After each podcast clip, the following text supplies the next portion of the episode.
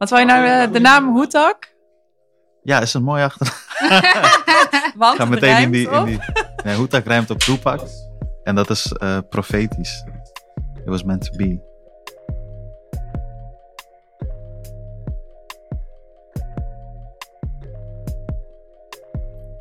In groep 7 vertelde ik mijn klasgenoten dat ik ging verhuizen van Osdorp naar Amsterdam Noord. Ze lachten. Noord lag toch helemaal niet in Amsterdam? En je kwam er toch alleen met de boot? Er reden niet eens trams, wie wilde daar nou wonen? Ik had geen idee, ik herhaalde letterlijk de woorden die mijn vader tegen mij had gezegd. Sommige vriendjes gingen niet meer met me om en volgens hen woonde ik nu buiten het echte Amsterdam. Wat bezielde mijn vader om naar een plek te verhuizen waar niet eens trams reden en waar je alleen met de boot kon komen, dacht ik. Ik schaamde me, voor mijn adres, voor mezelf en voor Noord. Maar als mensen me nu vragen waar ik vandaan kom, antwoord ik beslist Amsterdam Noord. Als ze daarna lachend vragen waar ik echt vandaan kom, zeg ik Buikslotermeerplein. Je weet wel, dat winkelcentrum waar mediamakers voor hun Foxpop-items naartoe gaan om spraakmakende quotes op te halen. En ik geef ze geen ongelijk, want waar vind je nog authentiekere Amsterdammers dan in Noord? Dus nog voordat ik mezelf Afghaan of Nederlander noem, zelfs nog voordat ik mezelf Amsterdammer noem, noem ik mezelf Noorderling.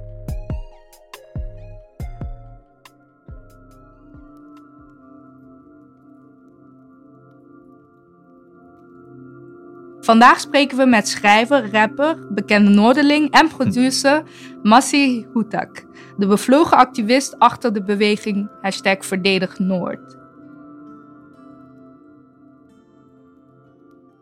Hey, eh, jij verhuisde op jonge leeftijd eh, van Helmond naar Amsterdam. En niet lang daarna van Osdorp naar Noord. Yes. Vertel eens hoe dat ging. Hoe was die verandering voor jou? Ehm, eh, ja, groot. Het was een grote verandering. Om meerdere redenen. Omdat dat betekende ook eh, dat we een verblijfsvergunning kregen. Dus mijn vader, mijn broers en ik.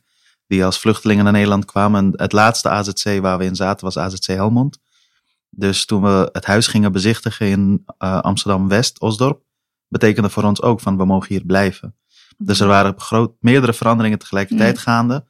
En ehm, ik was een jaar of acht, denk ik, of negen net. En eh, toen we van Amsterdam Centraal de tram namen, tram 1 naar Amsterdam-Osdorp, dus zo goed als de eindhalte, eh, weet ik nog dat ik tegen mijn vader zei van, ik vind het hier te druk. Ik wil terug naar Helmond. Oh, en ik, ja, precies, precies. Nee, maar moet, moet, moet je nagaan, toch acht jaar. En dat mijn vader zei, nee, geloof me, hier zijn we veiliger. Oh. En, en, en, en toen, we, toen we dus ook eh, al die wijken van Amsterdam doorkruisten en moskeeën zagen en Mhm. Hmm. eh, mensen die van kleur waren en islamitische mensen. eh, eh, en daar wees hij ook letterlijk naar van, kijk, hier zijn ook onze mensen. Ja. Hmm. Dus onze mensen en veilig, die twee termen, eh, dacht ik echt van, ja, dat wil ik wel heel graag nu inmiddels. ja, na, ja. na een roerige periode van, van AZC naar AZC. Hmm. Mhm. Ehm, maar ik vond die drukte in die stad en die smalle stegen en dat verkeer, of smalle straten en het verkeer en fietsers, et cetera, dat had je in Helmond niet. En ehm, dat vond ik wel heel intimiderend. Maar dat was meteen eigenlijk, eh, ja, gewoon meteen oké. En ik, ik voelde me meteen thuis. Het was de eerste openbare school waar ik naartoe ging.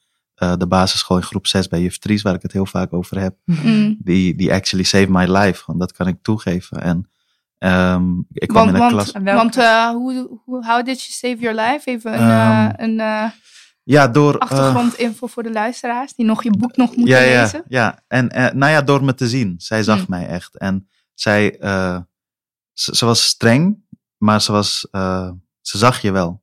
En, en als ik in de pauzes bijvoorbeeld tijdens voetbal verloor, ging ik schelden. En dan moest ik van haar, en dan ging ik ruzie maken met klasgenootjes. Dan moest ik van haar voor straf eh, een gedicht schrijven over, Mm. aan die klasgenoot. En ik Mm. moest het menen. Dus dat mocht niet eh, sarcastisch of, of spottend, maar oprecht.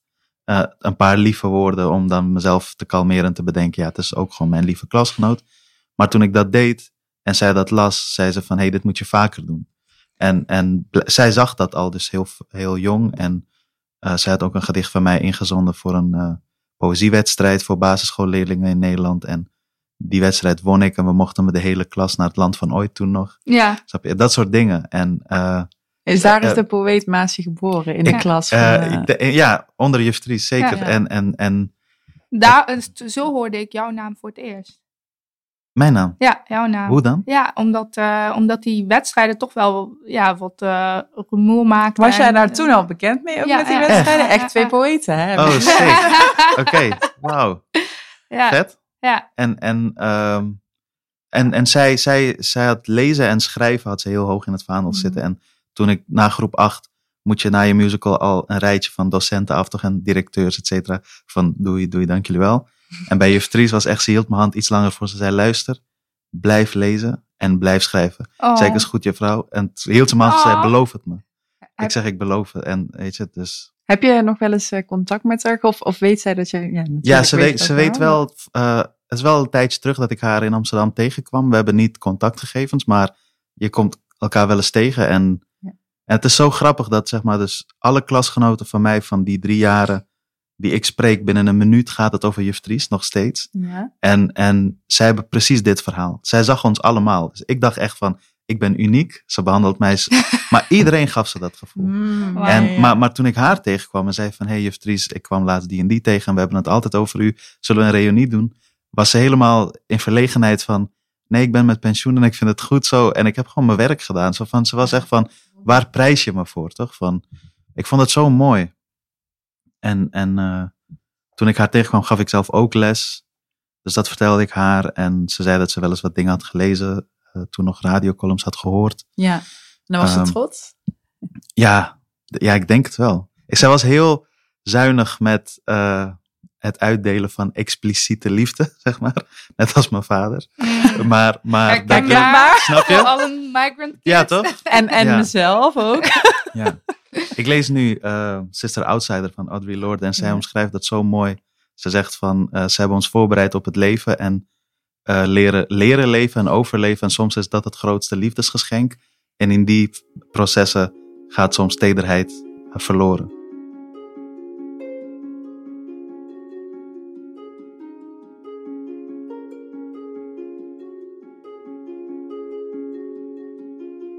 Zijn goede wijken maakbaar? Wie bepaalt wat een wijk goed maakt? Kan je het DNA van een wijk veranderen? Of moet je werken met het DNA dat een wijk al bezit?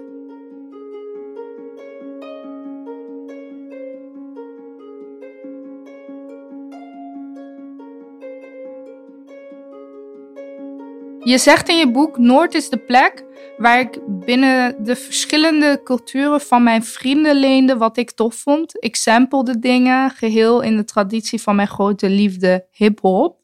En dat doet mij denken aan een verhaal over de wijk waarin ik zelf opgroeide, eh, waar ik je graag meer over vertel. Uh, toen ik jonger was, noemden we ze van de vrachtwagen ge- ge- gevallen. Mm. Dat waren spullen ehm, zoals Nike's of Timberlands die je eigenlijk bij de Footlocker moest kopen. En ik herinner me de dag nog als gisteren dat mijn grote broer als kind een groot Nike-teken op zijn Scapino schoenen stifte. omdat hij eh, ook Nike-schoenen wilde. En zelf droomde ik van een Vlooienmarkt kopie van de puntige zwerde Timberland hakken van Beyoncé. Gespot in de Bonnie en Clyde Mhm. clip. Dus mijn broers, ik en de kinderen uit de buurt maakten er een sport van om na elke schoolvakantie vers voor de dag te komen. Dat hoorde echt bij onze hip-hop-cultuur. Door in de weekenden en op vakanties echt op jacht te gaan naar koopjes in het buitenland. Om de, op de eerste schooldag echt eh vers voor de dag te komen. Mhm. Ehm, de gemeenschappen van kleur die mij omringden, hebben mij altijd geleerd dat straatcultuur high fashion maakt. En eh, moderne ontwerpers noemen het niet voor niets urban luxury. Ehm, en ik denk dat de fanny pack rage van vandaag de nektasjes van gisteren waren. Mhm. En ehm, ja, de wijk waarin ik eh, woonde ademde straatcultuur in en ademde eh, high fashion cultuur uit. Je omschrijft het echt precies goed, ook exact. Footlocker, die Scapino schoen met een stift Nike, weet je, Bristol nog, schoenenreus. Bristol. weet je wel, eh, Cool Cat. Ik herken het zeker, maar vooral de kern van eh, onze rijke jeugd dat we hip-hop hebben gehad, toch? En, en hip-hop cultuur. Eh, en hip-hop voorbij alleen eh, een muziekgenre, maar een manier van leven en overleven. En een manier van je, de familie waar je voor kunt kiezen om je heen verzamelen. En de invloeden van om je heen verzamelen. Dit gaat ook over samplen in zekere zin, toch? Mhm. En, en, en herdefiniëren van wat is cultuur, wat, wat is fashion en stijl en mode. Ehm, en ik denk dat Virgil Abloh vandaag de dag misschien het, de personificatie is toch van eh hip-hop aan de top van een van de grootste, misschien het grootste modehuis Mhm. ter wereld. Ja. Ehm, en Ik denk Rihanna ook. Rihanna zeker, Ja, zeker. Ja, misschien nog meer inderdaad. Mhm. op, op, op, op meer levels, omdat Ja. ze al die velden zo kapot maakt, toch? En, en eh, ja, dat is, dat is keihard. Dus ik herken het zeker, ja.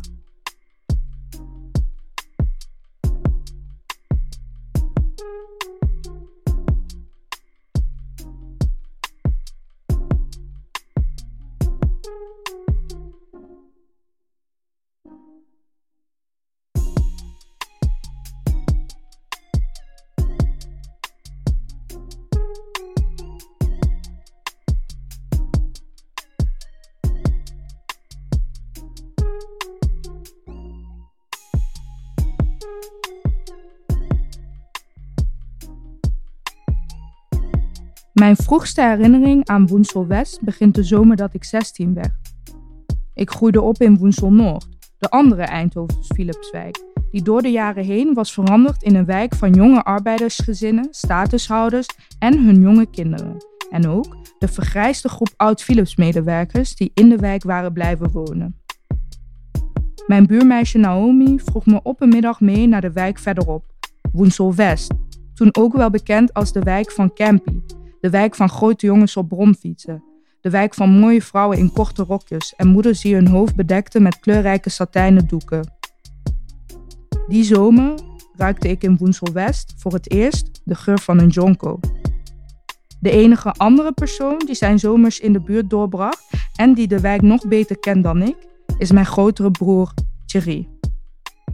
Ik ben Thierry en even kijken, ik woon nu ondertussen alweer acht jaar in Woensel West. Eigenlijk tijdens mijn studie hier eh, komen wonen. En ja, eigenlijk nooit meer weggegaan. Heb je in die acht jaar tijd eh, veranderingen gezien in de wijk? Ja, zeker eigenlijk. Maar ja, ik moet zeggen, voor mij, ja, eh, vanuit mij eigenlijk voornamelijk positieve veranderingen. In de zin van dat de wijk toch steeds ja, leefbaarder is geworden, zou ik bijna zeggen. In de zin van, ja, toen ik er net kwam wonen ook... het is niet dat het een hele hoge criminaliteit had, maar je merkte wel bepaalde dingen dat, ja, auto's die, waarvan eruit werden ingeslagen, eh, toch best veel hangjongeren. En, ja, en dat is wel steeds minder geworden. maar je zegt nu hangjongeren, hè? Maar eh, Jij was toen, ook je hier, jong. toen je hier naartoe kwam, was je zelf ook jong. Oud was je toen je hier naartoe verhuisde? Ik was 22 jaar. 22. Ja. Maar je hoorde niet tot die hangjongeren toen. Nee. niet helemaal. nee, maar ik doe mee in de zin van ja, gewoon eigenlijk jongeren die volgens mij niet in de wijk woonden, maar die eigenlijk, eh, ja, Hier kwamen hangen eigenlijk. gewoon, dat eigenlijk bedoel gewoon letterlijk in de wijk kwamen hangen. Mm, oké. En ik moet wel, ja, en dat is wel gewoon echt heel veel minder geworden. En Ja. ik moet ook zeggen, ook, ik heb ook het gevoel dat de wijk diverser is geworden. Veel diverser in de zin van eh, qua leeftijdscategorieën eh, en ook zeg maar qua ja, achtergronden van mensen. Niet alleen in eh, afkomst, maar ook gewoon echt in qua beroepen. Ja, het is gewoon echt, ja, het is eigenlijk gewoon ja, veel diverser geworden in- over de afgelopen jaren. En dat vind jij zelf wel prettig. Ja, Ja. toch wel. Want je kwam hier naartoe. Vertel eens hoe dat ging. Je ging wonen aan eh, de overkant van het Bakelandplein. ja, en dat kennen we als de plek waar de sekswerkers werken. En jij ging aan de overkant wonen. Hoe was dat die eerste keer dat jij eh, eh, verhuisde van Woensel Noord verhuisde je toen? Wat op zich niet, eh, wat ja ook een wijk is die, die, die, die een voormalige vogelaarwijk is, naar Woensel West. Hoe ging dat? ja, nee, ik, ja, ik ja, was eigenlijk, ja, ik kwam net terug van een stage uit, in het, uit het buitenland. En ja, het was toen al eh, best wel moeilijk om een eh, huis in Eindhoven te krijgen. Wat eigenlijk volgens mij alleen maar eh, nog moeilijker is geworden de afgelopen jaren. Maar ik had toen geluk dat ik, ja, ik was eigenlijk gewoon in gesprek gaan met uh, Trudeau. Mijn situatie uitgelegd. En ze hadden toevallig een paar appartementen leeg staan waar, uh, ze nog niet goed wisten wat ze mee moesten doen. En Mhm. ja, zo ben ik uh, toen uh, op de Edison uh, terechtgekomen. dat, daar waren de appartementen waar ze nog niet zo goed mee wisten. Ja, wat ze precies. moesten doen. En waar En- was dat is, dat is waar jij woonde, was, eh, waar nu de, de dat- Hollywood zit, hè? de vintage eh ja, daar zit nu de vintage winkel en ik woon er eh, eigenlijk boven. En volgens mij zijn het nu weer gewoon appartementen, maar ja, toen de tijd wisten, volgens, ja, was volgens mij nog niet precies duidelijk wat ze mee gingen doen. Dus ook iedereen met wie ik daar woonde is eh, op een gegeven moment gewoon eh, daaruit verhuisd. Ja, ik woon wel nog steeds in de wijk, maar ik woon daar niet meer. ja, Je woont het nu tegenover. Ja, ik woon nu zeg maar boven eh, op de Galvani-straat, maar dat is dus eigenlijk ook gewoon eigenlijk die, boven de winkeltjes op de Edison. Ja, precies. En eigenlijk wa- waren die huizen waar jij nu in woont de eerste huizen waardoor duidelijk werd dat de wijk een, eigenlijk een nieuwbouw ging doen, zeg maar. Dus jij bent een van ja, de eerste bewoners in die nieuwe appartementen, want die zijn er als eerste Ja. gesetteld. Nee, ik ben wel, eh, ik ben de tweede bewoner, maar ja, ik, volgens mij kwam ik erin toen het net twee, ongeveer twee jaar na de oplevering. Wat vond je van, zeg maar, ehm, of laat ik zeggen, vond jij dat er een contrast was tussen die woning waar jij eh, toen kwam te wonen en de woning die je verliet? Terwijl die tegenover elkaar stonden qua hoe, die, hoe, die, ze- hoe ze eruit zien. Ja, ja het viel me, maar bij mij viel het voornamelijk op eh, aan ja, toch de publiek die, die er woonde. Gewoon vooral eigenlijk alleen maar jo- eh, jonge mensen. Hmm. Ik weet niet of er toen actief op is geselecteerd, maar het was wel gewoon echt een doelgroep. Ja, daar woonden eigenlijk bijna alleen maar mensen tussen, laten we zeggen, 23 en begin 30. in je nieuwe Ja, woning. In mijn nieuwe woning. Ja. Ja. persoonlijk vond ik het eh, wel prettig, omdat ja, Ja, waren was ook, eh, ja, waren leeftijdsgenoten, ook mensen een beetje in dezelfde levensfase als ik. Dus eh, ja, ik vond het gewoon wel gewoon met, heel veel plezier. Ja. En ehm, vertel eens hoe dat ging, want, want je woonde aan de overkant tegenover het Bakelandplein. En ehm, ehm, die huizen waren in niet zo'n goede staat toen je introk, toch? Dat waren, het was wel een woning waar je heel wat hebt moeten klussen, toch? Dat, eh, Eh, ja, dat wel. Maar ik zou het ook weer niet omschrijven als een bouwval. Het was wel gewoon leefbaar, maar het was natuurlijk wel anders dan het eh, nieuwe, dan een nieuwere huis waar ik daarna naartoe verhuisde. ja. En ja, je merkte wel een contrast in van ja, het was echt pal tegenover uh, Bakelandplein. En ja, het was ook gewoon, ja, het is toch een, een beetje een eigen wereldje, ook binnen Eindhoven. Ja. En Wat dus- bedoel je daarmee? ja, het is eh, ja, eigenlijk gewoon iedereen in Eindhoven kent Bakelandplein, maar het is wel heel anders als je daar tegenover woont. Ook zeg maar, de stereo, ja, je hebt een, altijd een bepaalde beeld van mensen die daar naartoe gaan.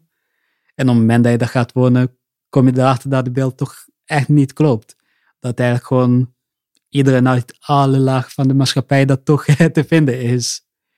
Ja, het is gewoon echt een eh, perfecte weerspiegeling van de maatschappij, denk ik, als je zo rondkijkt. In ieder geval, ja, ieder geval de publiek, de mannelijke weerspiegeling van de maatschappij.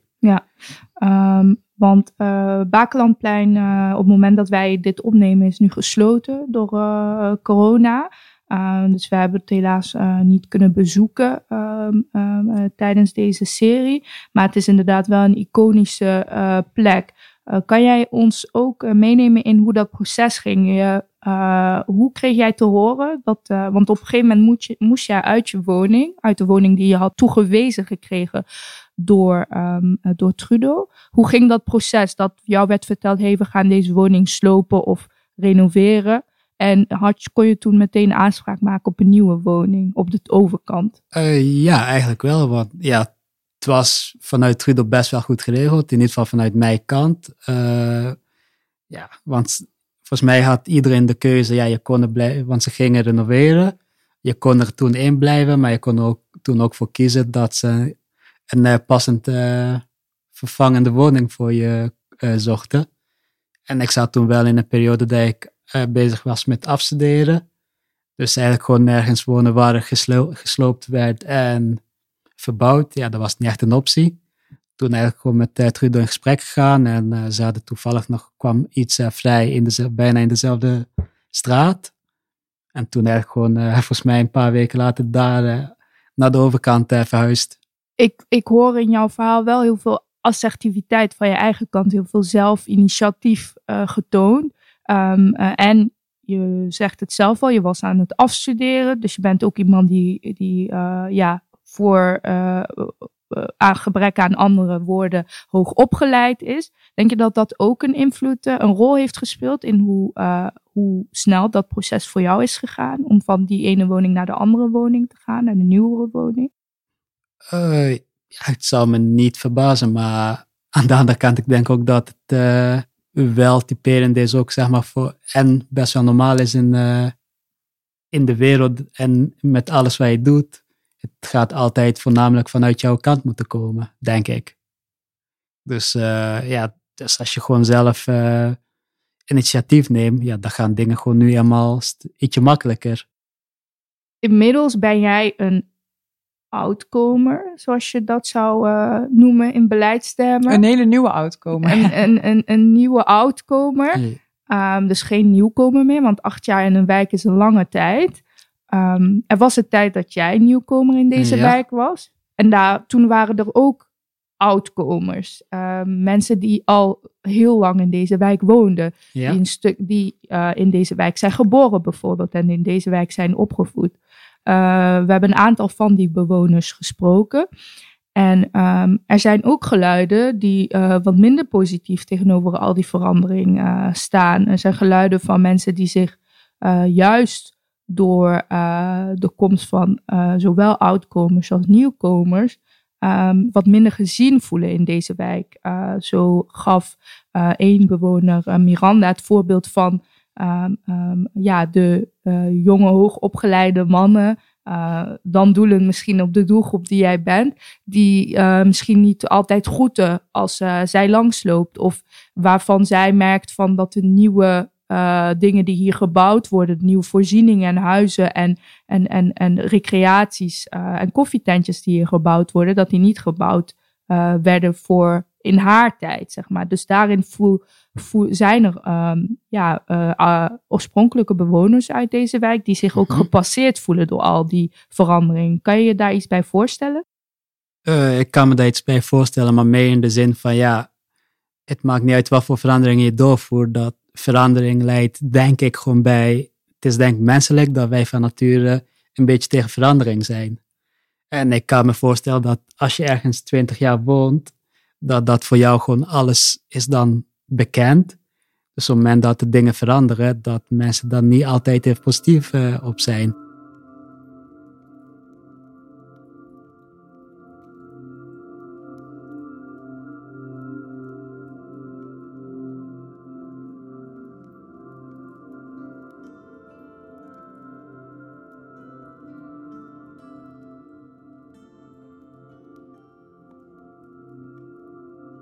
Wat ik bijzonder vind aan je beschrijvingen van Noord, is dat je voorbij de lokale realiteit uh, gaat. Of je gebruikt eigenlijk de lokale uh, realiteit van Noord om daar voorbij te treden. Uh, juist je thuis zijn in Noord en je beschrijving van Noord geven blijk van je brede kennis over maatschappelijk weefsel van heel Nederland. Um, en er is een bepaald deel van Noord, Florawijk, die het hmm. Helmond van Noord noemt. en ik ken heel weinig Amsterdammers die dat zo kunnen benoemen, zeg maar. Ja, um, ja en um, ja, wat, wat vind je daar zelf van? Is het iets wat je, heeft het jou iets uh, opgebracht, het feit dat je je eerste jaren juist niet in uh, Amsterdam uh, hebt doorgebracht? Is dat, heeft dat je ook gevormd? Zeker, zeker. En Flora Dorp trouwens, eventjes, je zei Flora Wijk. Maar um, Kijk, dus die eerste jaren, uh, of, of eerste anderhalf jaar in Nederland, uh, hebben mijn vader, broers en ik langs verschillende AZC's door heel Nederland moeten reizen. Voordat we in Amsterdam kwamen. En um, toen ik in Noord kwam, dacht ik van mijn referentiekader van wat ik van Nederland ken, zijn die plekken. Dus dat was Hogeveen, Bussum, Krailo, Helmond, Zevenaar en um, en, in Noord herkende ik van, wacht even, dus die je constant moeten aanpassen, constant moeten berekenen van in wat voor plek, uh, op wat voor plek ben ik nu. En, en in Noord herkende ik die, dus dacht ik van, hey, Vogelbuurt lijkt een beetje op Hoogveen, Floradorp lijkt een beetje op Helmond. Uh, en uh, dan weet ik hier een beetje wat ik kan verwachten. Dus het heeft me, het heeft me voorbereid op Noord eigenlijk. Hmm, op een, op een mooie manier en, en ook op een hele reële manier dat ik, uh, en Noord heeft me voorbereid op de wereld. Want als je, stel je voor dat je in Noord opgroeit en niet de middelen hebt om uh, de wereld rond te reizen of de wereld te zien. En je blijft je hele leven lang in Noord. Heb je best wel een goed idee van wat de wereld te bieden heeft, omdat die wereld in Noord zich bevindt. Het is de wereld in het klein eigenlijk.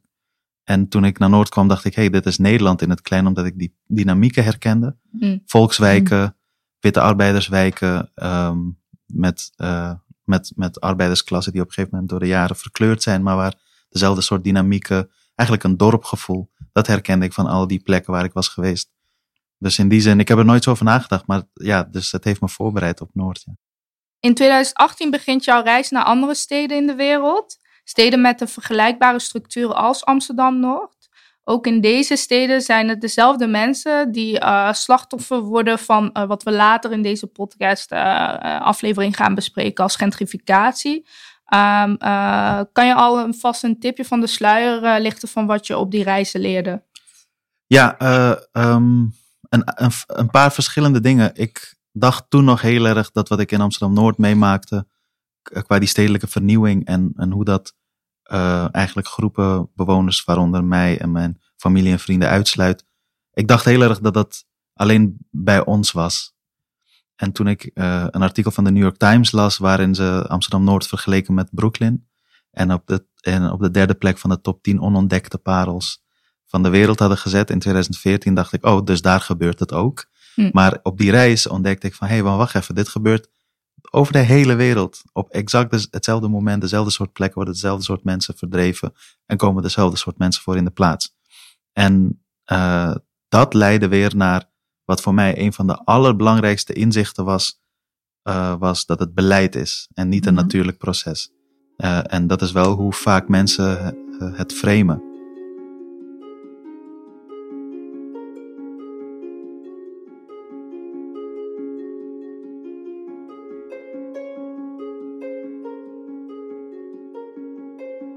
Is dit niet moderne segregatie? Ik moet denken aan een kort verhaal van Flannery O'Connor uit A Good Man is Hard to Find, een Amerikaanse roman over het zuiden van de Verenigde Staten ten tijde van de segregatie.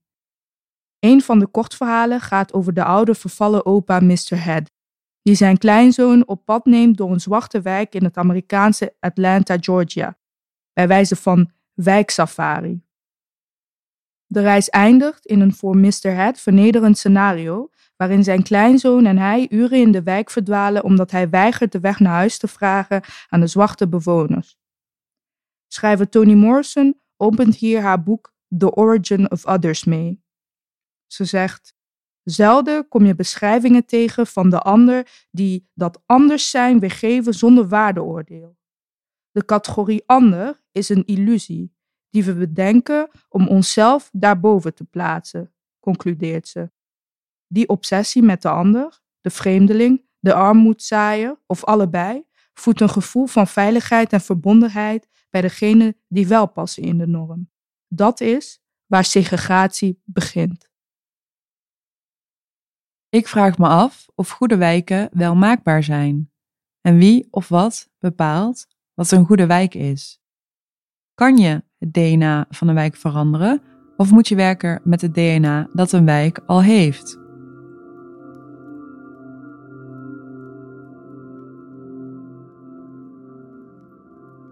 Ze zeggen dan vaak tegen mensen die kritisch daarop zijn, zoals ik, van waarom ben je tegen verandering? Terwijl gentrificatie is niet verandering. Verandering is natuurlijk. Gentrificatie is het extreme voorbeeld van onveranderd beleid. En toen ik dat leerde, dacht ik, hey, dat is, hier kan ik iets aan hangen, want beleid kun je iets aan doen. Daar kun je tegen verzetten, tegen wanbeleid moet je je verzetten. Uh, en uh, dat gaf me hoop, omdat het is heel makkelijk om cynisch te worden, omdat het zo onrechtvaardig en ongelijk hoe, uh, hoe welvaart en welzijn in steden wordt gebouwd en voor wie en wordt verdeeld. maar, maar dat inzicht wat ik leerde van het komt op al die plekken voor, maar dan is hierover nagedacht, het is beleid, gaf me ook weer hoop en strijdbaarheid van, maar daar, daar kunnen we en moeten we iets tegen doen. En vanochtend eh, kom je in, eh, net zoals dat je in New York, uh, in Brooklyn aankomt, in Eindhoven aan. herken jij dan meteen dingen in, in, in deze straten waarvan je zegt, ja, dat is typisch, gewoon typisch, Ja. bijna ja, meme-achtige. Ja, het is, het is de matrix toch van once you see it, you can't unsee it. Ja. En, en eh, sterker nog, je noemt het meme, maar zeg- het deed mij heel erg denken aan die aflevering aflevering van South Park. Ja, dat Soda beschrijf je ook Sopa. in je, in je boek. Wat in die aflevering Ja. van South Park eh, is- is, zo tekenend. Ehm, een pretpark midden in een dorp. En, en zo heftig eh, tegenover elkaar en naast elkaar die, die grote verschillen. En het uitverkopen van een arbeiderswijk met al die authentieke kenmerken waar, waar voorheen juist, die juist werden gebruikt als argument om daar niet doodgevonden te willen worden. Die worden nu gebruikt als verkoopargumenten, terwijl ze er steeds minder te zien zijn. Kun je een voorbeeld noemen van wat je net ziet in de straat? Ja, ja kijk, dus eh, je hebt hier zo'n winkelstraat in de Edisonstraat. Ja. En ehm, als je kijkt naar die winkels, eh, een organische wijnbar volgens mij en, en een vintage winkel die Hollywood heet. Iets verderop heb je eh, een Brooklyn Square en, en, en eh, felgekleurde huizen tegenover volgens mij recent gerenoveerde arbeiderswoningen Ja. veel laagbouw, wat ik ook herken van Amsterdam-Noord. eh tuindorpachtig gevoel. En dan zo recht tegenover elkaar en naast elkaar. En je ziet gewoon het model van Richard Florida, die Amerikaanse so- socioloog en wetenschapper, die dat boek The Rise of the Creative Class had geschreven. Mhm. Zo'n twintig jaar geleden, die eigenlijk de king of gentrification wordt genoemd, de champion of gentrification, maar dat wil die niet. Eh, Kan En- je dat uitleggen voor de luisteraars? ja, hij had dus in zijn boek The Rise of the Creative Class uitgelegd hoe wereldwijd burgemeesters en grote steden ehm struggelen met het eh, oplossen van hun zogenaamde probleemwijken. Problemen in die wijken, maar ook het opwaarderen ervan. En wat er voorheen gebeurde is dat er heel erg werd nagedacht in we, we plempen een groot theater ergens neer, of we bouwen een brug of een stadion. Ehm, eh, en dan komt er een nieuwe soort economie of überhaupt economie. En dan waarderen die wijken economisch, sociaal en cultureel op. Eh, en hij zei, daar moet je mee stoppen. Dat zijn veel te grote investeringen, bovendien niet duurzaam en het werkt niet. Wat je moet doen is ervoor zorgen dat de creative class, dus de techwerkers, de kunstenaars, eh, de innovators, jong vooral, vaak ook traditioneel en hoog opgeleid bij gebrek aan een beter woord, dat die zich daar welkom voelen. Dus biedt ze goedkope atelier, woon- en werkruimtes aan in voormalige sociale huurwoningen. En dan creëren zij wel een ecosysteem waar hippe koffietenten en horecaconcepten en vintage winkels op afkomen en organische wijnbarren en, en dan eh, bars. En, en, ehm, en dan eh, komen de projectontwikkelaars daar achteraan. En, en ja, zijn ideeën hebben navolging gekregen van New York naar dan To- Tokio en ook in Amsterdam en ook in Eindhoven. Dus toen ik in, vanochtend hier eh, rondliep, zag ik gewoon dat Richard Florida model Ja. letterlijk, gewoon je ziet het zo gebeuren. En, en eh, ja, diezelfde kunstenaars en diezelfde horecaconcepten die worden ingezet om die gentrificatie aan te jagen, kunnen op een gegeven moment zelf er niet meer wonen en werken. En eh, worden gebruikt eerst om die herontwikkeling te creëren en dan worden vervolgens zelf eh, ook weggejaagd. Eh, dus dat zag ik hier letterlijk gebeuren. En dat zie je dus in die South Park aflevering ook heel hard.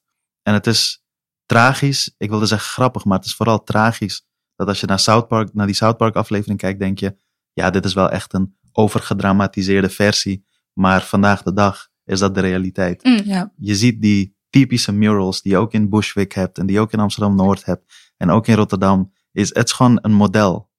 En, en, eh, Maar je moet het zo typisch ook zien, zeg maar, denk ik, zo hard als dat South Park kan zijn, Ja. om het Ja. be- die bewustwording te krijgen, denk ik. precies, precies. Ja.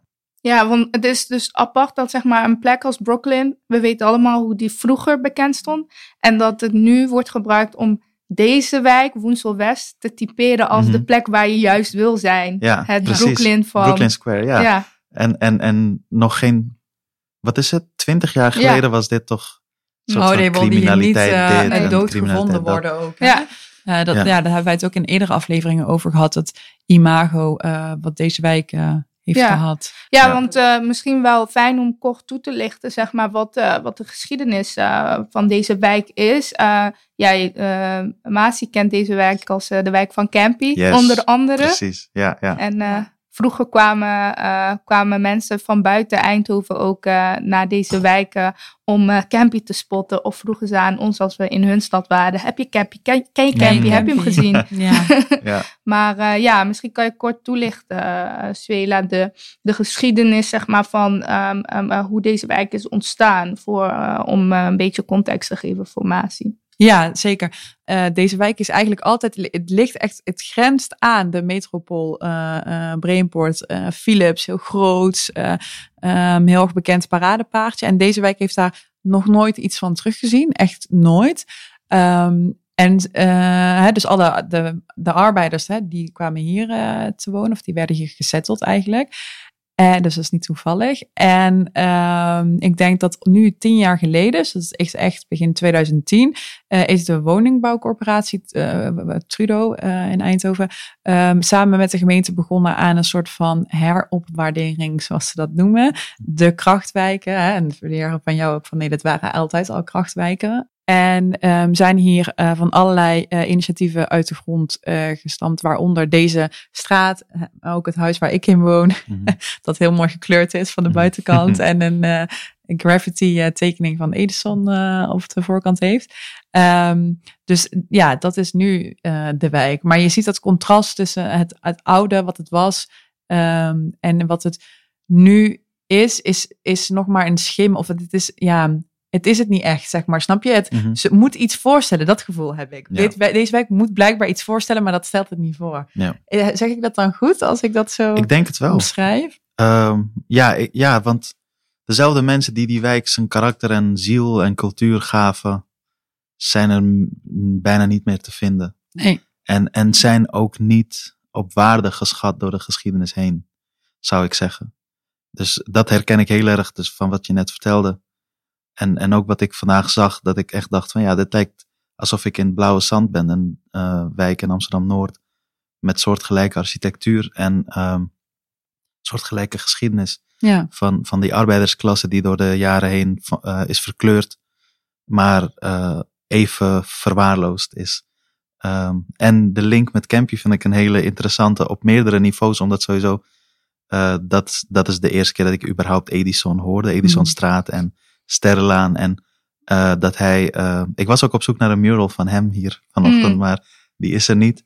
Eh, ja, hoe maar- kan dat eigenlijk dat dat er niet ja, is? dat is, ja ik, ik zei het net ook al van, kijk, als dat een bewuste keuze is, omdat hij ook veel dingen heeft gedaan die echt niet oké zijn, Mm. dan zou ik het begrijpen. Maar ik denk eerlijk gezegd Ja. dat mensen hem niet eens overwegen. Of dat het, de, de kunstenaars die deze murals hebben gemaakt, waarschijnlijk niet eens weten wie Campy is. En dat, dat is best wel erg. Ja, maar het is wel tekenend dat de kunstenaars in deze wijk letterlijk eh, ja, witte mannen zijn die zogezegd eh al die technologische ontwikkelingen zouden, Ja. daar verantwoordelijk voor zouden zijn. Waarvan we ook geleerd hebben van Sander Philips dat heel veel gestolen patent is. Mm. Dus om daar maar Oh, over te... ehm, een fresco staat wel eh Ah. afgebeeld. Niet in deze wijk, maar eh, eh, op het PSV-stadion. Ja. nice. Ehm, En, maar, maar, maar dus in Amsterdam-Noord is THC begonnen. En die hebben Campy weer heel erg eh, geïnspireerd om te beginnen met Nederlandstalige rap. Mhm. En, en dat, tot de dag van vandaag zegt hij dat ook. En dat is dus, dus die, ehm, de, de, hoe arbeiders, wijken en, en migrantenkinderen eh stad overstijgend met elkaar communiceren via hip-hop. mhm. En in hip-hop specifiek eh, niet de stad waar je vandaan komt, maar letterlijk je wijk en je straat. Weet je, eh Stix heeft het over de Monteverdi Flat in Zwolle. Campy heeft het over Edisonstraat. En ik heb het over Buikslotermeerplein of Vogelbuurt. Dat, dat waren voor mij als eh, vandaag de dag terugkijkende grote, grove lijnen die werden gelegd vanuit die rappers naar wie ik luisterde naar, in hun wijken. Eh, tekenden zij voor mij met hun muziek een plattegrond van Nederland die eh, anders was dan de, eh, het Nederland wat je dan leert via de media of, via, of op school bijvoorbeeld. Ja. Ja, heeft dat, heeft dat want eh, muziek speelt en, en voornamelijk in dat hip-hop en rap een, een grote rol in jouw eh, boek. Ook een grote rol in het eh, gevoel van ergens thuis zijn. En heeft dan die lokaliteit in rapmuziek daaraan bijgedragen? Zeker. Ja, dat vind ik er zo zo extreem tof aan. Dus dat je heel specifiek moet zijn. En dat maakt het voor mij als verhalenverteller ook interessant, maar ook als uh, verhalen uh, consument, zeg maar. Dus Ja. iemand die graag verhalen leest of luistert.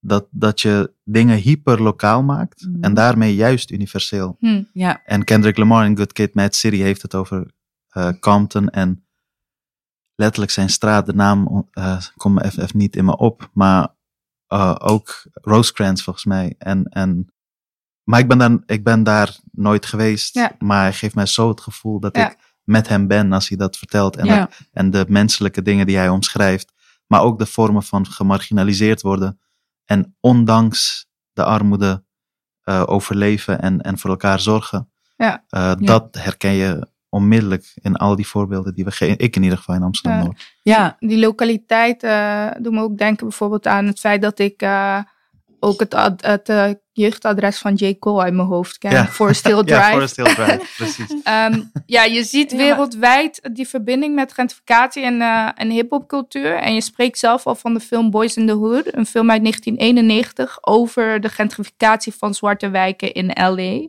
En het zijn dus vooral key figuren uit de hip-hopcultuur die vertellen over veranderingen blijkbaar in de stad.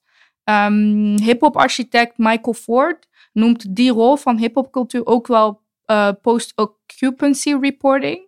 Uh, wat ik heel tof vind. Mhm. Um, um, omdat ik denk inderdaad van, ja, wat als we naar hip-hop keken als een manier om uh, uh, rapportages te leggen Ja, ja. over gentrificatie als een middel van verzet. Wat jij dus doet. Uh, welke hip-hop stemmen zijn een inspiratie geweest voor jouw uh, werk hierin? Ehm, ik zou zelfs willen toevoegen, ik ben zo blij dat je dit zegt.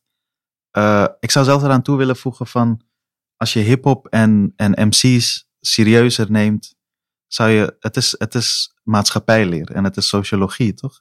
Stadssociologie in dit geval. Tupac is voor mij ontzettend belangrijk geweest, eh, op verschillende manieren. Uh, maar ook dus Kendrick Lamar, J. Cole, um, THC in Nederland, opgezwollen. Uh, en, en dus THC staat voor Tuindorp Hostler Klik, opgezwollen. De naam van hun stad zit in hun naam. Mhm. Weet je, en het, het, het zijn allemaal geen toevalligheden dat uh, in hip-hop is waar je vandaan komt, is uh, je voetbalshirt, zeg maar, je clubshirt, toch? Ja. Van, je draagt het met trots en ze vertellen me die verhalen van die wijken. Uh, um, ik, ja, ik, ik zou heel veel voorbeelden kunnen noemen van nog veel meer. Ja, winnen in Rotterdam, ja, daarvoor Unique en E-Life, Vice, Rest in Peace. En, en um, Duvel Duvel. Het zijn allemaal, dus al die rappers uit Nederland, uit verschillende steden met verschillende dialecten, die voor mij dus die plattegrond tekenden van Nederland, die uh, heel sociologisch was en waar dus blijkbaar in mijn hoofd toen het zaadje is geplant van de interesse überhaupt in die wijken en hoe ver je ook gaat, dat je steeds de kern herkent van waar je ook vandaan komt en uh, dat het precies daar ook gebeurt en resulterend in dit boek en die hele reis die ik daarvoor heb gemaakt, daarvoor de persoonlijke reis, maar ook mijn onderzoeksreis, dat je herkent van het is beleid. Hier is over nagedacht. Boys in the Hood is een perfect voorbeeld. Die film zag ik op mijn zestiende, net nadat ik mijn vader had gesproken, die me vertelde van, van ik was heel blij met de veranderingen in Noord. Ik dacht van, hé, hey, we hebben een KFC, we hebben een mediamarkt, er komt een bioscoop, nieuwe huizen. En mijn vader zei, ja, inderdaad, allemaal goede ontwikkelingen, maar wat merken wij ervan? Mm. Ja. Onze huur gaat omhoog, maar onze, ons onderhoud blijft achterstallig. En, en toen zag ik Boys in the Hood en dat waren toch de zaadjes die toen zijn geplant voor uh, kritischer om je heen kijken. En daardoor, toen had ik helemaal niet de middelen om die steden langs te gaan en te Mm. kijken naar, maar wat gebeurt hier dan? Maar ik had wel mijn rappers en mijn hip-hop. Dus nog beter naar ze luisteren en alle aanverwante media, dus zoals films, zoals documentaires, uh, maar ook mensen die over hip-hop schreven, sociologen, wetenschappers in uh, de Verenigde Staten, uh, hun ook lezen de poëten die hen voor zijn gegaan, waar hip-hop vandaan is gekomen, de burgerrechtenbewegingen die uh, hebben geleid naar hip-hop muziek en, en tot wat het vandaag de dag is. Um, dat, dat, uh, ja, dat is een lijst van allemaal dingen die hebben opgebouwd, voor mij in ieder geval, naar dit. En ik zou heel graag willen dat in het onderwijs, maar ook in de kunst- en cultuurwereld en eigenlijk in de academische wereld, uh, hip-hop en hiphoppers en MC's veel serieuzer worden genomen als echte sociologen. Ja. Ja. En, en deskundigen. Ja. En, Jij, jij zegt het zo mooi, verslaggevers. Dat, Ja. dat is wat, wat we ja. doen. En de doopnis is natuurlijk dat jij bent eh, eh, leraar geweest. Ehm, ehm, eh, Winnen is eh, volgens mij nog steeds uh, maatschappijleerdocent. Mhm. Dus dat zijn wel uh, ja, dingen die je inderdaad in het onderwijs wil zien. Uh, jij zegt in je boek dat gentrificatie en migratie verweven zijn met elkaar. Mhm. Een belangrijke definitie over hoe gentrificatie en migratie zich tot elkaar verhouden is het passage over, outside, over de outsider, Mhm. die jij uh, in je boek beschrijft. Um, kan je een heel kort stukje voor ons voordragen? Is, oh ja. Uh, gentrificatie is namelijk ook een verhaal van migratie en integratie. Door de geschiedenis heen hebben de zogenaamde outsiders die niet welkom waren in het centrum, de goede kant van de stad, met de tijd hier, aan de verkeerde kant van de stad, een manier van samenleven gecreëerd die complex is, in de meest positieve zin van het woord. En ik voeg er nu aan toe, dus als ik zeg complex bedoel ik niet moeilijk, maar uh, intelligent, uh, gelaagd. Mm -hmm. En uh, wil je dat ik daarover uitweid? Graag. Uh, we gaan daar, ja, we gaan daar eigenlijk nu over uitweiden. Ja. Okay. Want, uh, want je had het net al over tuindorp, Hasselen, klik. Mm -hmm. je maakt in je boek een aantal keer een link naar die gelaagdheid, naar witheid. En hoe dat zich verhoudt tot migranten, mensen van kleur en zwarte mensen. Je noemt Willy Alberti, Tante Leen en Johnny Jordaan de THC van de vorige eeuw. Yes. Dat is nogal een uitspraak. Um, en je zegt over THC, dat waren jongens die op loopafstand van mij woonden, die eruit zagen en praten als mijn vrienden en ik. Ja. Dus je spreekt over de transformatie van de Jordaan, van witte arbeiderswijk naar een buurt van de allerrijkste. En hoe die cyclus zich nu weer in Noord uh, herhaalt. En ik merk dat je daarmee heel duidelijk blootlegt hoe witheid een construct is. Want gentrificatie gaat natuurlijk over migratie en kleur, maar ook over iets wat veel dieper liggends is. Over het construct van anders zijn en het proces van othering. Uh, kan je ons meenemen in je gedachteproces daarover? Ja, wat ik, wat ik bedoel met gentrificatie uh, als migratie en integratie is dat we op een nieuwe manier of op een volledige manier uh, kijken naar het fenomeen um, oorspronkelijke bewoners, nieuwe bewoners, nieuwkomers. Um, ik was 23 jaar geleden nieuwe Nederlander. 23 jaar later ben ik oude Noorderling. En op beide momenten werd van mij verwacht om me aan te passen. En eh, omdat op beide momenten het bestaande beleid niet in mijn voordeel is ingericht.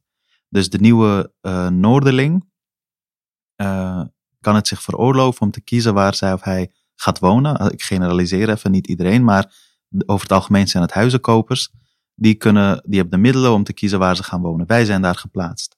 En, en uh, ik ben heel blij dat we uiteindelijk in Noord zijn terechtgekomen, maar dat is ondanks uh, de marginalisering en niet dankzij. En uh, als wij dan nu zeggen tegen hen van welkom in de buurt, letterlijk welkom in de Noordzijde, maar hou rekening met ons. Net zoals dat mij is verteld. Je bent een nieuwe Nederland, leer de taal, leer het ritme, ritme, leer de cultuur, pas je aan. En terecht zeggen wij dat nu tegen de nieuwe Noordelingen, maar die zijn over het algemeen wit en hoogopgeleid, nogmaals bij gebrek aan een weten woord, academisch opgeleid en, en uh, hebben vermogens, of in ieder geval zijn op een stabiele sociaal-maatschappelijke positie. En die kijken dan zo van, hè, maar Niemand hoezo? vertelt ons wat, ja, wat wij moeten Ja, doen. hoe integreren? Ik. Uh, en, en dus ook mijn leraar maatschappijleerachtergrond, zeg maar. Ik had het heel vaak over integratie in de klas. En ik vertelde altijd aan de kids van, uh, het moet van twee kanten komen. Dus oude bewoners moeten zich aanpassen, maar nieuwe bewoners ook. Alleen dan lukt het. En uh, op die manier, door die voorbeelden te geven, um, hoop ik dat mensen op een volledige manier kunnen kijken, ook naar hun eigen verantwoordelijkheid. Dus door al die grote um, wetenschappelijke, historische verhalen weer klein te maken van wat kan ik vandaag de dag doen, neem je verantwoordelijkheid en wees je bewust. Uh, ik zou juist zeggen, juist zij op een gunstigere sociaal-maatschappelijke positie, hun komst naar de wijk heeft directe gevolgen voor de sociaal-maatschappelijke positie en economische positie van mensen die er al woonden.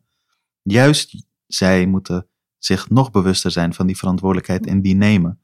Maar ze worden ervan vrijgepleit of worden er nooit op aangesproken of hebben nooit uh, een boek gehad van iemand van binnenuit die ze daar bij de hand nam, bij wijze van, en zei van, hey, dit, dit kun je doen. En uh, zij zouden dat juist moeten doen, omdat toen wij naar Amsterdam Noord kwamen, onze, onze komst betekende, ik denk niet of nauwelijks iets voor de sociaal-maatschappelijke positie van de toenmalige bewoners, of je arm of rijk was. Ehm, ja, en dat, dat is eigenlijk wat ik probeer te zeggen van, we zijn constant in beweging, toch de stad is constant in ontwikkeling. En ehm, ik vind het uh, dat we soms te makkelijk strooien met termen als nieuwkomer en gelukzoeker. Dat ook in mijn voorstelling, dat ik ook zeg van, uh, soms schrik ik als ik mezelf hoor praten over nieuwe Noorderlingen, dat ik zeg van, laat ze wegblijven, die gelukzoekers, en geef Noord terug aan de Noorderlingen. Waarmee ik ook speel met het, uh, met de kritiek die mij vaak wordt verweten, namelijk van, je bent conservatief. Uh, wat is dan nog het verschil? Je bent xenofoob zelfs, hm. wordt er tegen mij gezegd. En, en door deze voorbeelden te geven, en, en ik, het, het, het, uh, het verrast me hoezeer de mensen die die vergelijkingen maken van, maar ja, ooit was jij ook nieuwe Noorderling en nieuwe Nederlander. Hm. hoezo ben jij nu zo conservatief tegen nieuwkomers? Hm.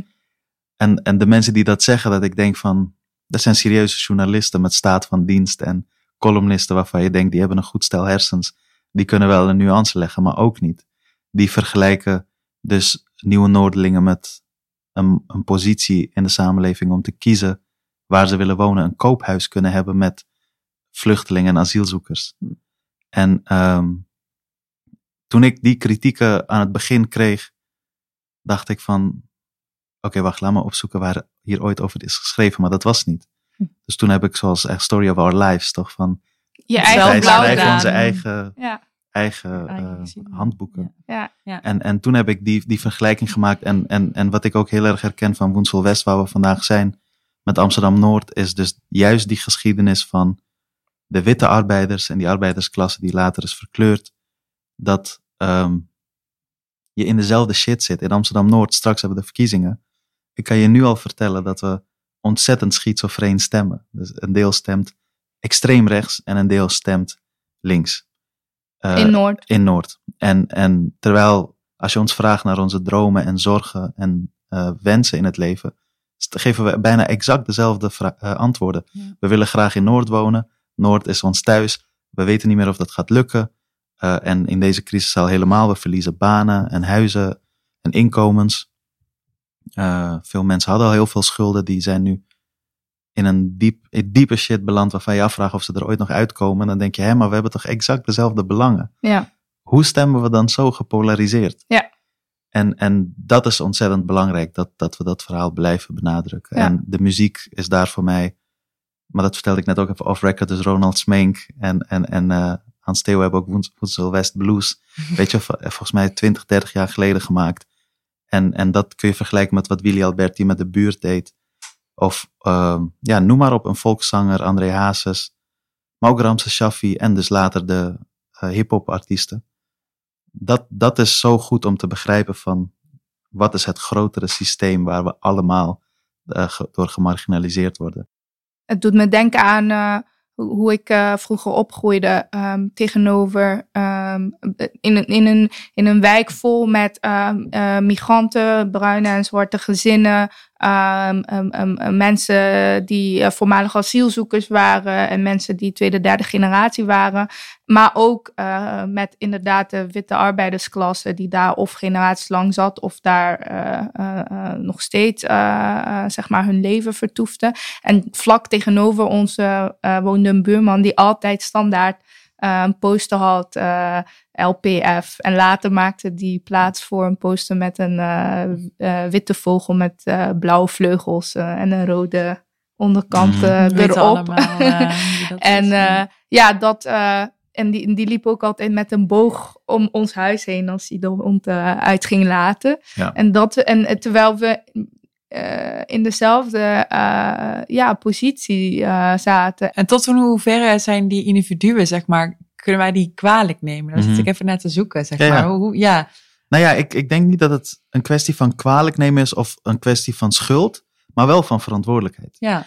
En, en die, Verantwoordelijkheid om het te snappen, om het, om Ja. het hele... Ja. Over welke individuen heb jij over jouw Vela? buurman, zeg maar. Hm. Want wat, wat jij net ook zegt, inderdaad, er in men, inderdaad mensen van dus vaak dezelfde sociaal-economische Mhm. klasse, die dan dus toch, ehm, en dat is wel weer beleid, zeg maar, die bewustwording niet toe, voorgeschoteld krijgen, daar zelf Ja. de verantwoordelijkheid niet nemen om dat te gaan doen.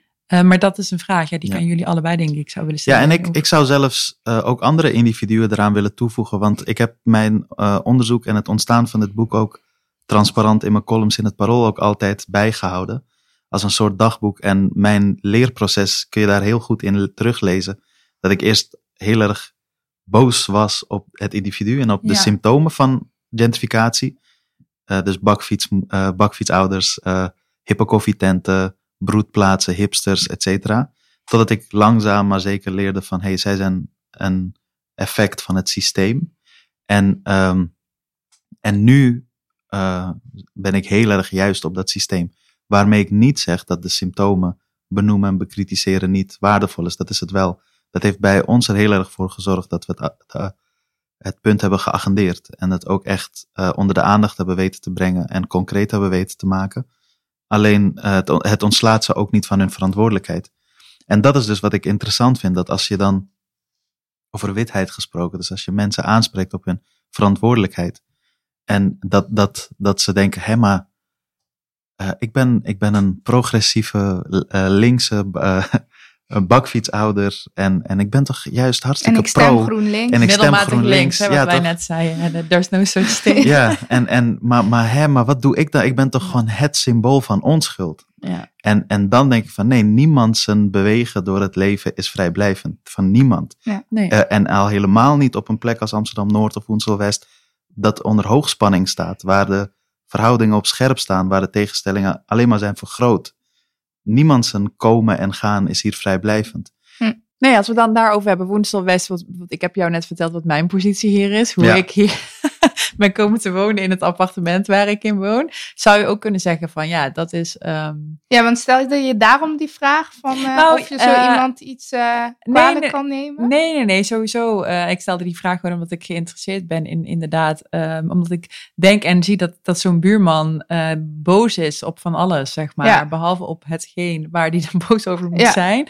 Eh, ja, dat is wat ik vind van, van dat soort mensen, zeg maar. Eh, maar ik, ik wilde ook wel eh, kritisch kijken naar mezelf, inderdaad. Want ik ben nu, ik heb natuurlijk wel roots in deze wijk, hè, Woensel West. Ehm, ik heb weer dezelfde postcode als dat mijn vader heeft, wat ik ooit volgens mij in onze eerste aflevering een keer verteld heb. Toen hij voor het eerst in, eh, ehm, in Nederland kwam. En daarmee praat ik het voor mezelf een beetje goed. Maar ik ben even voor het luisteraars in een eh, appartement komen te wonen eh, vanuit een eh, ja, project, wat eigenlijk wel gentrificatie bevordert vanuit eh, sociale of vanuit de woningbouw. Ehm, namelijk eh, ja, eh, ehm, kapitaalkrachtig eh, zijn en dan iets teruggeven in de wijk. Dus vrijwilligerswerk doen. En wat ik daar zie op het vrijwilligerswerk is ook eh, ja, soms wel schijnende situatie van ik denk dit is niet de juiste hulp, zeg maar. Ja. Ja. Eh, maar hoe zou ik dan dus in mijn rol als vrijwilliger daarmee mee bezig kunnen zijn? Heb je daar een idee eh, van? Ehm, ja. Ja, wees radicaal. Hmm. Toch van ehm, Dat hoeveel. lukt wel. Ja, toch? Precies, dat denk ik wel dat het goed moet komen. Maar eh, ik kijk dus ehm, je de hele tijd afvragen toch van in hoeverre doe je werk voor de wijk en niet voor de gemeente. Ja, En, en niet de opdracht die zij je hebben gegeven. Ze hebben een kader bepaald en vragen van jou om daar binnen te kleuren. En als we radicaal durven te zijn, herdefiniëren we die kaders. yes. En, en structureel niet eenmalig. En, en, en, en ik zou zeggen dus de hele tijd nadenken van hoe je economische versterking en zeggenschap en eigenaarschap geeft in plaats van neemt. Ja. En, en ehm, daar, ja, dus dat zijn algemeenheden, maar als je die concreet, dat doe je ongetwijfeld al. Dus Nee, echt gewoon je, je, je, eh, je geld eh, lokaal uitgeven, toch? Dus aan de lokale ondernemers. Eh, de dingen die je al dagelijks doet met het bewustzijn van nu eh, doen. Ik denk dat dat veel impactvoller is. Dat is nog een belangrijke les die ik heb geleerd. Ik dacht altijd aan, oh, nu heb ik een paar dingen geleerd. Nu moet ik één grote gekke actie bedenken en dat bam, zo impactvol neer. Maar dat he- heeft nooit, is niet duurzaam en dat is uiteindelijk ook niet impactvol. Het gaat om, voor mij in ieder geval, het bewustzijn in- in de dagelijkse dingen. Dus waar koop je je boodschappen? Waar ga je straks je kind op school zetten? Hoe eh, verhoud je je tot, tot je buren. Gewoon dagelijks groeten, consequent. Niet alleen als je wel of niet je dag hebt. En ehm, zorgen dus dat. eh, wij, wij zijn ook bezig met een inburgeringscursus voor nieuwe Noorderlingen. Dat we ze welkom heten in de wijk. Van hey, hier heb je een gids aan bewoners die al ontzettend veel initiatieven doen. Die Ontzettend ook veel. in Eindhoven. Ja, nee, let's go. Nee, maar Ja. wij, wij kunnen zeg maar dus een blauwdruk maken en dan eh, geven we die graag door. Maar Ja. eh, ehm, in al die wijken, dus wat ik heb gezien van die steden ook waar ik ben geweest, is dat er ontzettend veel informele eh, organisaties zijn. Die, die eh, eigenlijk, en daarom heb ik moeite met de term achterstandswijken, kwetsbare bewoners en probleemwijken en ontwikkelbuurten. Terwijl ik denk, dit zijn professionals in hulp organiseren in zorg organiseren en ook economie organiseren. Maar ze worden, omdat ze niet een BV zijn of niet een stichting of niet vallen binnen het ambtelijke apparaat, worden deze informele organisaties niet serieus genomen. Nee. En dat zijn superkrachtige netwerken. Ehm, breng niet iets nieuws, want het is er al, toch? Van, Ja. ja, wij Ja. hebben Versterk wat er al is. Snap je? We hebben Dus- een, een oude een buurtbewoonster gesproken, die, of een oud buurtbewoonster eigenlijk inderdaad, Miranda. En die zegt ook van, eh, precies wat jij net zegt. Nou, wij waren altijd al krachtig. Als eh, we wisten van de buurvrouw dat zij eh, op vrijdag eh, geen geld had, dan kon ze bij de slager toch haar vlees krijgen. En dan betaalde ze het de week daarna wel. Juist, Ehm, en ehm, precies dat. ja, dat is wel grappig, want andere geluiden zeggen weer, ja, we gaan hier eh, een, een, een gebouw neerzetten waar iedereen samen gaat komen voor activiteiten. Weet je wel, like, ja, people know Ja, best themselves, zeg maar, wat voor hun Ja. eh, krachtig is en wat niet. En je ziet, dat verdwijnt dus wel, want die slager is wel verdwenen Mm. eh, uit die wijk. Ja. Mm. Eh, Ja. Omdat eh, de hippies geen vlees meer eten misschien. ja. Ja, wellicht. Wellicht, Ja, ja. maar eh, ja. Ehm, super interessante Ja. discussie, hè, vind ik die ook echt. Ja. die, die, over vlees, hè? ja, in, maar- in ja, in- verduurzaming ja. en, en de ontoegankelijkheid van duurzaam leven. Maar ook bijvoorbeeld, dus Amsterdam-Noord heeft een grote volkstuinencultuur. Wat echt, echt vanuit de arbeiders zelf en de knapste architecten hebben voor de armste bewoners gebouwd. Zodat zij het meeste eh, zonlicht per dag hadden en eh, groen in hun tuin om zelf te verbouwen. Maar ook volkstuinen om zelf goedkoop groente en fruit te verbouwen, zodat ze zelfredzaam en weerbaar werden. Als mensen het ook hebben over de traditie waar we vandaan komen om neoliberalisme te verdedigen, moet ik altijd lachen. Dat ik denk, dat is helemaal niet de traditie. De traditie was dus dat de knapste architecten gingen bouwen voor de armste bewoners.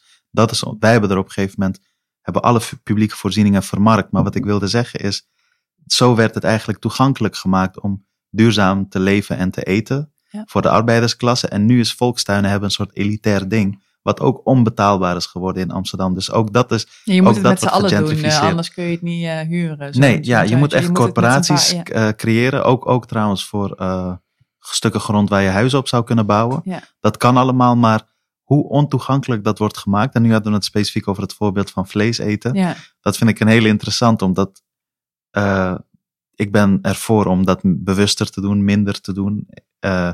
Of ik ja, zelf ooit volledig zou kunnen. duurzamer Ja, misschien. dus precies dus als je, als je eet het vlees van dier dat je kent, zegt men dan. Zoals ehm, in heel veel migrantenculturen natuurlijk al was. hè? dat, precies. Dat, ja. Ehm, ja. En hoe dat wordt geclaimd als. En, en daarin zit, dus, dus in al die facetten zit het koloniale DNA, toch? Mhm. Van hoe onze hele samenleving is ingericht. Van wij, wij komen beschaving brengen. Ja. Ja. En, en, en hier leefde bijna niemand. En als er al iemand leefde, waren het allemaal onbeschaafde eh, wezens. Ja. En wij komen nu eventjes Ja. beschaafd. En daarom ook, het zit in de taal ook, hè?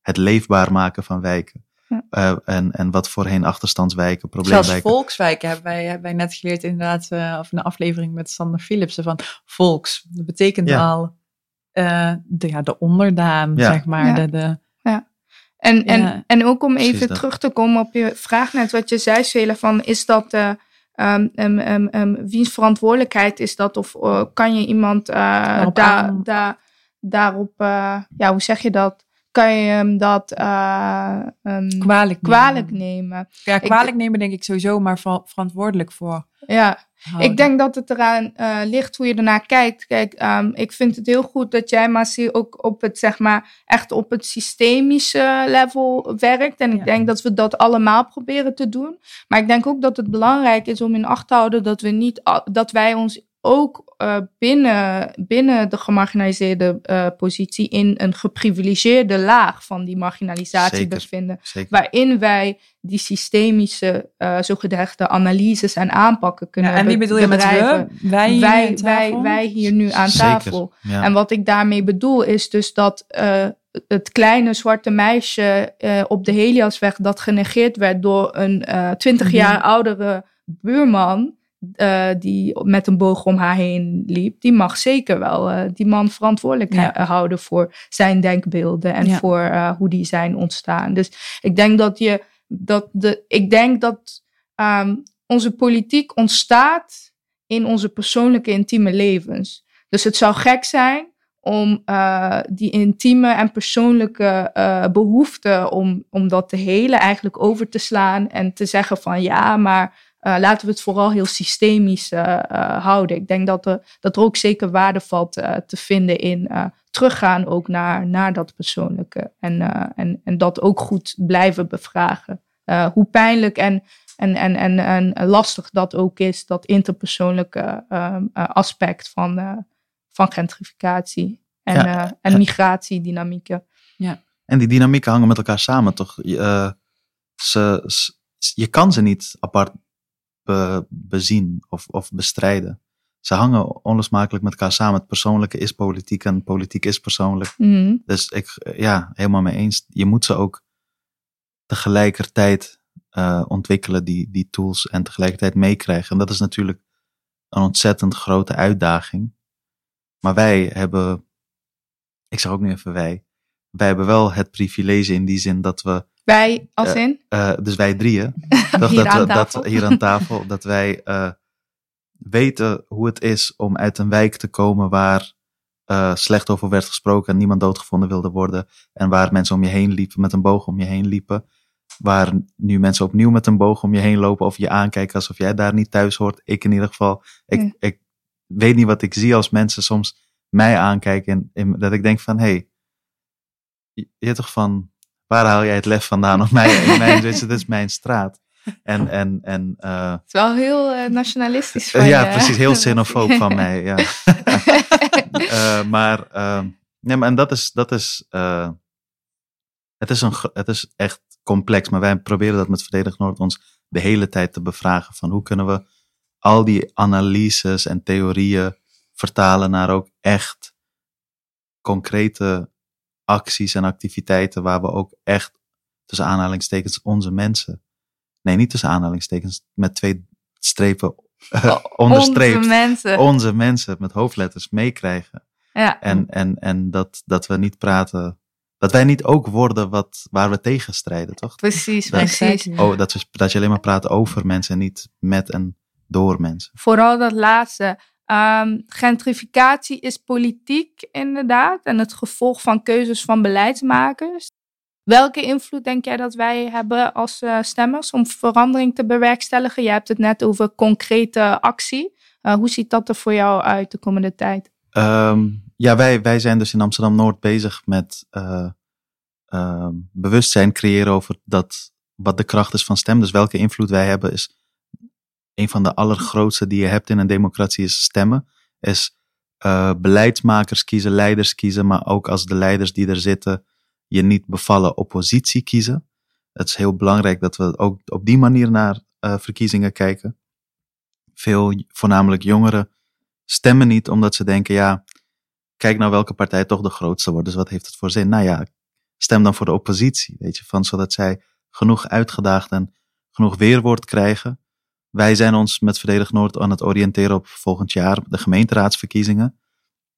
Die uh, veel directer gaan over onze directe leefomgeving. Ja, dus veel lokaler. Ja. Wat je, ja. En, en, en, uh, en daarin uh, gaan we verschillende projecten doen. Een stemwijzer die heel toegankelijk is, die zich toespitst op woonbeleid en armoede creëren. En, en uh, eigenlijk zoveel mogelijk, dus wat ik net zei, mensen die vanuit dezelfde zorgen, vanuit dezelfde dromen, zo gepolariseerd stemmen, uh, proberen duidelijk te maken van trap nou niet in die campagnepraatjes van die extreemrechtse partijen, want geloof me, they don't give a fuck about you and me. Gewoon, dat is, dat is bewezen. En, en, en we kijken alleen maar in campagnetijd naar wat ze beloven. En Ik wil ook stop. Ik wil ook iedereen vragen van stop alsjeblieft met propageren dat we partijprogramma's moeten lezen. Met alle liefde en respect. Ze zeggen echt weinig. Het is campagnetaal. In campagnetijd mooie beloftes. Kijk naar hoe partijen zelf stemmen in de Tweede Kamer. Dat is veel waardevoller. En, en uh, volg die partijen, bemoeien op lokaal niveau met de politiek van jouw straat. En bemoei je daarmee. Dat is je verantwoordelijkheid. Ga in bewonerscommissies. En tuurlijk moet je daar bepaalde ruimte voor hebben in je leven, in je hoofd en in je praktische uh, leven. Maar doe het. Doe het op klein, uh, kleinschalig niveau. En, en wij, uh, ja, dus een van mijn grootste dromen zou zijn dat we in Amsterdam Noord eindelijk niet meer zo gepolariseerd stemmen, maar doorhebben van hé, hey, al die zogenaamde verschillen tussen ons hebben uiteindelijk wel de overeenkomst dat straks niemand van ons meer hier kan blijven wonen. Hm. Of je nou PVV of Denk stemt. Ik geef maar twee voorbeelden van zittende partijen, maar zo gepolariseerd stemt Amsterdam Noord. Maar beide stemmers kunnen straks niet meer in Noord wonen. Toch? En, en, en PVV doet echt niks voor die witte arbeiders. Echt niet, geloof me. Weet je, ook, ze hebben scheid aan mij en aan mijn buurvrouw. En, en um, het is ook belangrijk dat we ook mensen fundamenteel leren anders te kijken naar alle dingen die we vanzelfsprekend zien, toch? Dus als wij antiracistisch uh, zijn, zijn we niet per se activistisch of links, maar zijn we neutraal, toch? Van artikel 1, toch? Van waarom, waarom is dat meteen iets links? En waarom is, is dat meteen iets wat zogenaamd niet zou gelden voor iemand die slachtoffer is van kapitalisme? Want daar hangt het allemaal aan vast, toch? Van daar vloeit racisme, seksisme, noem maar op uh, classism allemaal uit voort. En uh, wij, wij proberen dus in aanloop naar volgend jaar vooral gemeenteraadsverkiezingen daar iets voor te organiseren. In de opening van je boek beschrijf je een gesprek met je vader toen je op je zestiende voor het eerst het woord gentrificatie van hem leerde. En hij stuurde je ook op pad met een opdracht. Dat vond ik heel interessant. Um, en wat ik ook interessant vond om te zien is um, um, ja, eerst wil ik iets zeggen over de KFC. Het lijkt wel alsof er een rode draad loopt door alle verhalen over de komst uh, van grote fastfoodketens in winkelcentra. Die aan de rand van oude volkswijken en uh, migrantenwijken liggen. Want uh, ik herinner me in mijn jeugd de komst van de McDonald's en wat dat deed met mijn wijk. Um, maar terug naar het gesprek met je vader. je gaat vrij snel over je vluchtelingenverleden in je boek. Um, ik vroeg me af, is dat bewust? En ik vraag me ook af tijdens het lezen, is die uh, achtergrond van vluchteling, of in mijn geval bijvoorbeeld politieke uh, vluchteling en migratie, is dat iets wat jou op jonge leeftijd al politiek bewust uh, heeft gemaakt? Wauw, um, grote vragen. Um, ik denk dat mijn, het feit dat wij als vluchtelingen naar Nederland kwamen, me wel op jonge leeftijd überhaupt bewust heeft gemaakt van heel veel dingen. Dat gesprek met mijn vader heeft me sociologisch bewust gemaakt. En uh, dat heeft allemaal dus te maken met het persoonlijke. En dat is dus wat ik van mijn vader echt heb geleerd, is alles is per definitie politiek. Ook toen ik voor het eerst kon stemmen en tegen hem zei, wat stemmen wij? Zo van, dan stem ik dat ook. En dat was toen bij ons bijna allemaal PvdA. En, en op een gegeven moment zei ik ook van, ik ga ook niet stemmen. Uh, fuck de politiek. Zei hij, dat is ook een politieke houding. Snap je? Van het Mm. alles is politiek. Mm, Je kan het niet, ik Nee. kan niet aan ontsnappen. En, en ja, fuck de politiek, maar fuck het dan. ja. Ja, toch, Stem dan, Ga dan stemmen. Stem voor verandering en werk voor verandering. Of hou gewoon je mond, weet Ja. je wel? En dat kan ik niet. Ik heb een grote mond. Dus hij zei, oké, dan neem de verantwoordelijkheid ook om uh, je daden te matchen. En toen dacht ik, ja, dat, dat, dat was wel een goeie. En um, ja, waarom ik in mijn boek daar niet zoveel over heb geschreven, over die vlucht, dat vluchtelingenverleden, is omdat um, deels is dat wel bewust, omdat ik uh, ook in veel gesprekken en interviews uh, daar zoveel uh, over moest praten. Vaak ook terwijl het daar helemaal niet over ging. Dit is heel concreet wel een aanleiding, namelijk thuis zijn. Wat is thuis en hoe heb ik op een gegeven moment ervoor gekozen van ik ga me daar wortelen. En waar liggen mijn wortels? Dus hier maakt het sens. Maar ik was het zo zat. Ik heb er zo, er zeg maar, er is mij te pas en te onpas daar zoveel naar gevraagd in mijn Ja. leven. Je bent ook al heel lang bezig in de media. Dus ik kan me voorstellen Ja, dat toen je, toen je bijvoorbeeld net die prijs won als jonge maker, Ja. dat het daar alleen maar Alleen maar. En, en altijd, ook, ook uh, interviews over dit boek, dacht ik altijd gewoon, ging ik een soort om het leuk voor mezelf te maken, dacht ik, ik kijk even naar hoeveel vragen iemand erover begint, toch?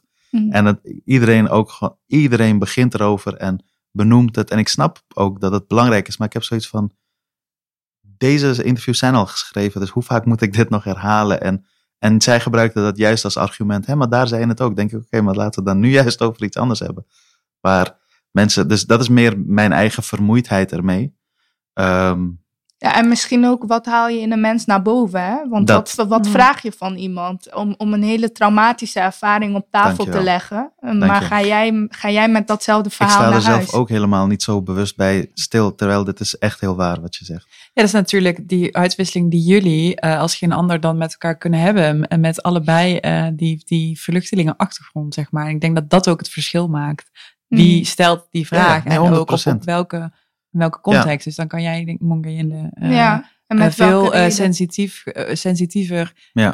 eh, dat begrip tonen en ook die vraag stellen. En ook weten wat je daar, ehm, waarom dat dan belangrijk is. En niet Ja. ehm, ehm, ja, uit een soort van sensationele of Ja. identiteitsvorming vraag. Ja, en oh, wat, wat ben jij speciaal? En vertel eens even Mhm. jouw verhaal, zodat het is, het is pervers. Ja. Dat is ja, heel dus- vaak pervers. En ik heb me heel vaak aangerand gevoeld toen die vraag Maar werd echt, gesteld. Snap ik. Ja, En- omdat... Herkenbaar gewoon- voor jou? Monge? Ja, ja, want het is, een, eh, het is een pijnlijk verleden, toch? En heel vaak als je dan geïnterviewd wordt, dan eh, is de titel vroeger, nu is dat iets minder, dan is de titel van AZC naar en Dat, dan vul precies in. dat, precies dat. Ja. dat is dan de titel, zeg maar. ja. En eh, ja, dat is, eh, dat is een eh, lastige.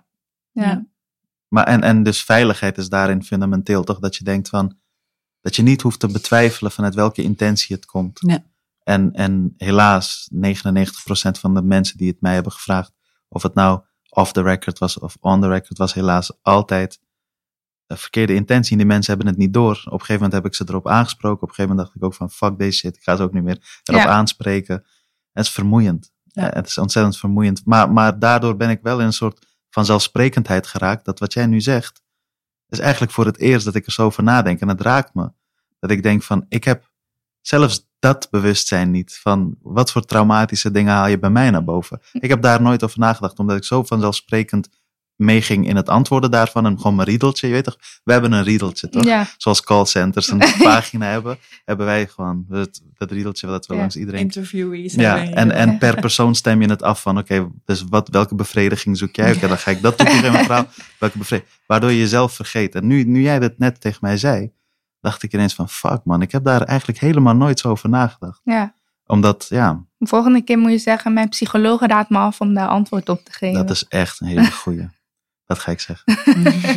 Dat is echt een Dan kunnen jullie er onderling. Ik mag er van mijn psycholoog niet over praten. Ja. Ja. Masi, waar ben jij thuis? Ehm, ik ben op dit moment thuis waar mijn vrouw en mijn zoon zijn. Sharif en Zahir. Eh, ik draag dit boek ook op, op aan hen. eh, voor Sharif en Zahir, mijn thuis. Ehm, ja, Amsterdam-Noord, daar zijn zij nu gelukkig met mij. Eh, maar ja, het, is, het, het fenomeen thuis en het gevoel thuis blijft, blijft zich ook doorontwikkelen. Ik, als ik de keuze heb, blijf ik in Amsterdam-Noord wonen tot de dood.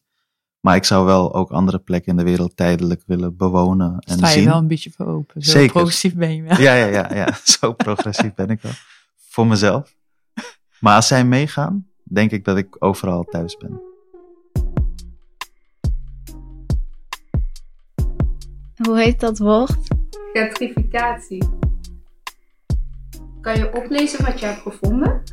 Ehm, dit is een eh, proces van opwaarding van een buurt of stadsdeel op sociaal, cultureel en economisch gebied. Het aantrekken van kapitaalkrachtige nieuwe bewoners slash gebruikers en, en de daarmee gepaard gaande verdrijving van de lagere klasse uit het stadsdeel. Wat vind je, voel je of denk je als je dit leest? Ehm, ik denk gewoon dat dat ehm, te maken heeft met eh, met elkaar omgaan en verschillende culturen en sociaal zijn.